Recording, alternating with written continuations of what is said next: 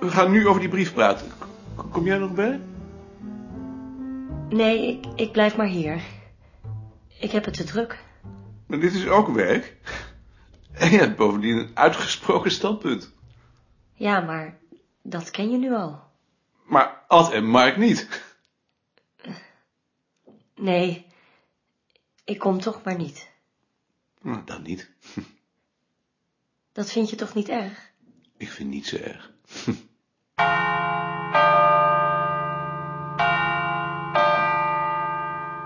De brief aan Vreeburg. Ga je gang, Mark. Begin jij maar. Ik vind dat je die brief niet kunt versturen. Ik vind hem vernietigend. Vernietigend? Ik zou het vernietigend vinden. Vind jij dat ook, Mark? Als ik die man was, dan zou ik mijn artikel weer intrekken. Maar ik zeg toch dat ik het met bewondering gelezen heb? Oh, maar je zegt ook dat je het verdomd rooms vindt en dat het je te veel herinnert aan de ideeën van Jung. Ja, dat vind ik ook. Jawel, maar ik denk niet dat die man daarvan gediend zal zijn. Bovendien voeg je daar nog eens 4,5 bladzijden met opmerkingen aan toe. Dat is toch wel vernietigend, vind ik. Maar het zijn toch geen aanmerkingen? Ik laat zien dat je de feiten ook anders kunt interpreteren. Maar die man zal het toch wel als aanmerkingen opvatten. Wat vonden jullie erg van die opmerkingen? Ik ben het wel met je eens. Ja? Ik heb er geen oordeel over. Maar je vindt dat die man dat niet weten mag. Maar als je aan een Roomse man een artikel vraagt, dan krijg je een Rooms artikel. Die mannen geloven in de volksziel en die vinden jouw standpunt marxistisch. En dat mag ik niet schrijven. Dat mag je wel schrijven, maar dan trekt hij het terug. Begrijp ik niet. Als hij bij ons publiceert, dan mag je toch wel weten hoe er op zo'n essentieel punt over zijn artikel gedacht wordt. Dat weet hij heus wel. Hij leest ons tijdschrift toch? Dat jij niets moet hebben van de volksziel kan hij zowat in elke bespreking lezen.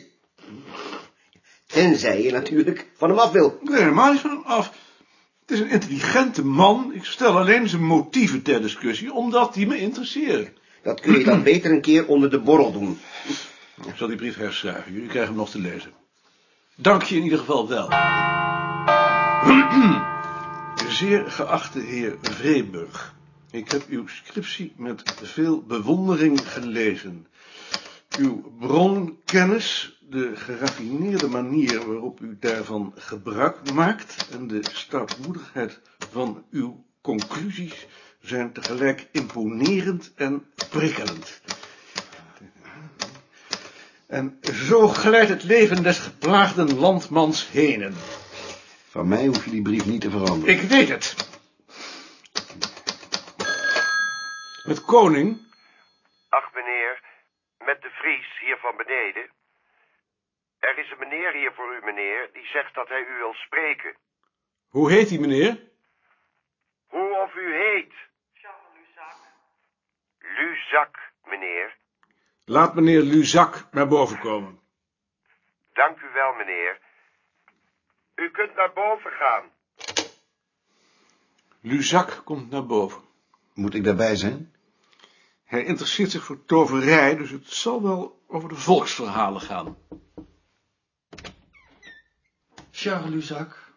Koning, komt u binnen. Daar kunt u uw jas hangen. Nee, ik hou maar aan. Dit is Muller. Charles Luzak. Ad Muller. Gaat u zitten. Bent u familie van Esther Luzak? Oh, dat zou best kunnen. Wie is dat? Dat was de vriendin van Vincent Haman. Zou ik niet weten. Maar daar komt u niet voor. Nee. Waar komt u wel voor? Ik ben een leerling van Jacobo. Hij heeft het over u gehad, ja. Hm? Dat had hij me beloofd.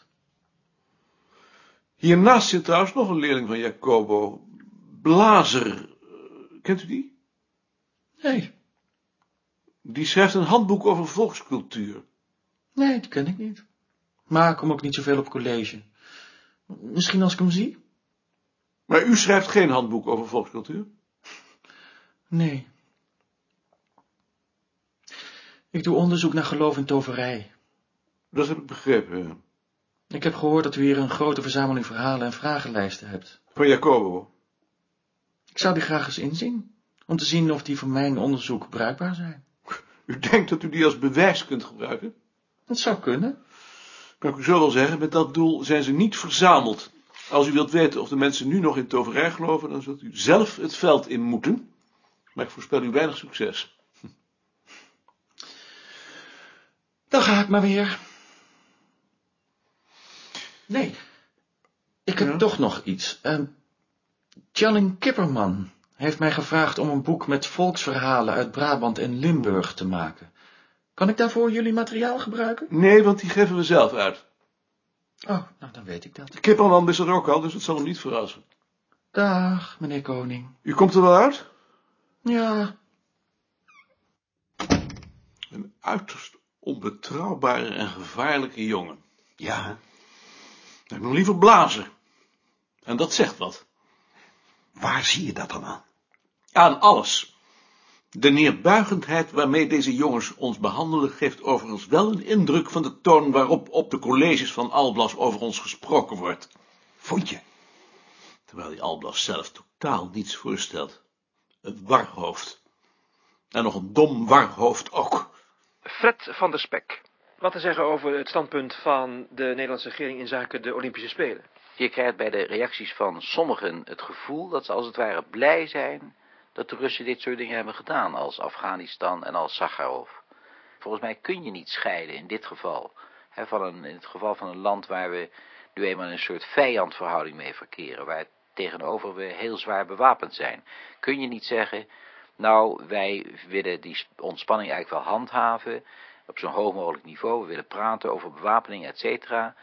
Eh, we willen eigenlijk naar ontwapening toe, maar we willen wel tegelijkertijd dit soort dingen als eh, Olympische Spelen boycott en dergelijke uitspreken. Ik geloof dat dat gewoon behoort tot het hele eh, streven van de Amerikanen om de Koude Oorlog te doen herleven. Het een onderdeel van uitmaakt. Carter kan weer met tevredenheid op zijn discipel Nederland neerkijken. Jouw partij heeft tegen de boycott gestemd, hè? Dat is jouw partij toch ook? Maar ik ben geen lid. Is daar in jouw afdeling nog eh, discussie over geweest? Maar ik ben de laatste vergadering niet geweest. We gaan oversteken. Wampie? Wampie? En eh, als je nou wel geweest was, wat voor standpunt had je dan ingenomen? Oh, ik had het moeilijk gevonden. Moeilijk? Dat is toch helemaal niet moeilijk? Al die mensen die toen met Vietnam wel naar Argentinië gingen... en die nu ineens tegen de Russische inval in Afghanistan Het gaat zijn. helemaal niet om Afghanistan. Het gaat om Sakharov. Nou, om de mensenrechten dan. Dat is toch allemaal hypocrisie? Dat is toch gewoon een wapen van het kapitalisme? In Nicaragua of in El Salvador doen de Amerikanen toch ook niets aan de mensenrechten?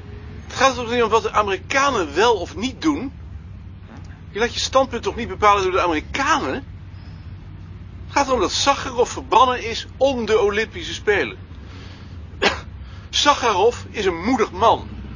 Dus dan wil je niet naar de Olympische Spelen. Dat had Van der Spek moeten zeggen. Maar dan had hij wel de Amerikanen in de kaart gespeeld. Hij speelt de Amerikanen in de kaart door tegen te stemmen. Door tegen te stemmen speelt hij het politieke spel mee.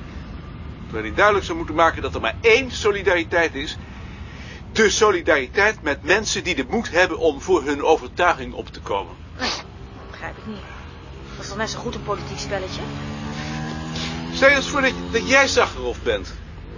Stel je eens voor dat ze jou voor je politieke overtuiging verbannen hadden. En dat wij je dan zouden laten barsten omdat dat de Amerikanen in de kaart zou spelen. Ik weet het niet hoor. Ik ga hier pens voor Wampie halen.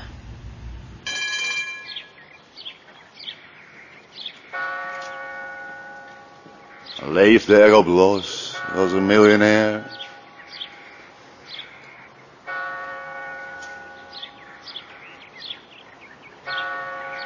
Ik smeet met mijn centen, niets ging me te ver.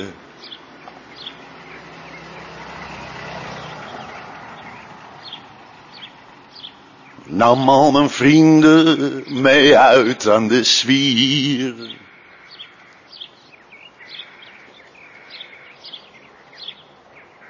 Eerste glas whisky, champagne en bier.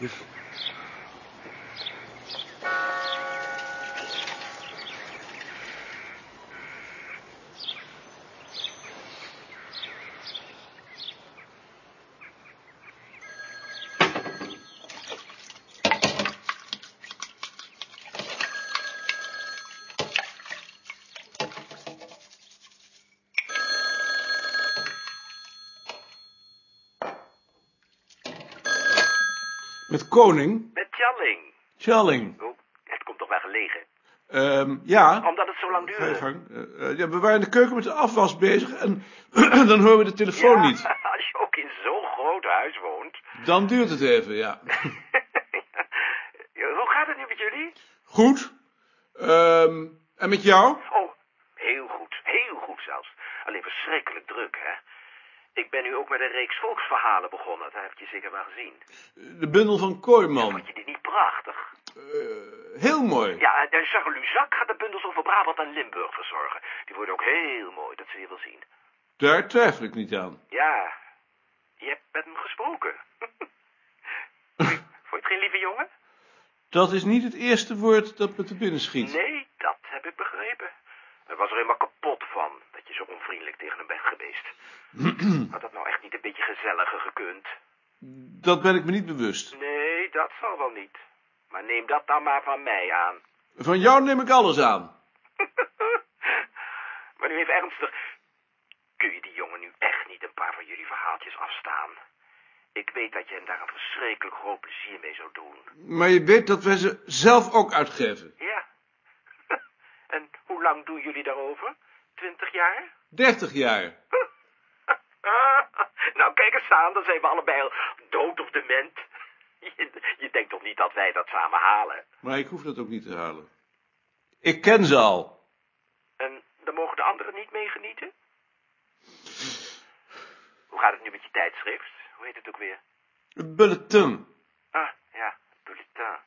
Ik Vergeet het altijd weer, dat is een beetje een saaie naam. Vind je zelf ook niet? Het is ook een saai tijdschrift. Ik zou dat niet durven zeggen. Maar nu iets zelf Hoe gaat het zegt. met jouw tijdschrift? Oh, geweldig. We hebben nu bijna 900 abonnees. En jullie? Eh 197. En daar blijf je subsidie voor krijgen? Ja hoor, zonder subsidie kunnen we niet bestaan.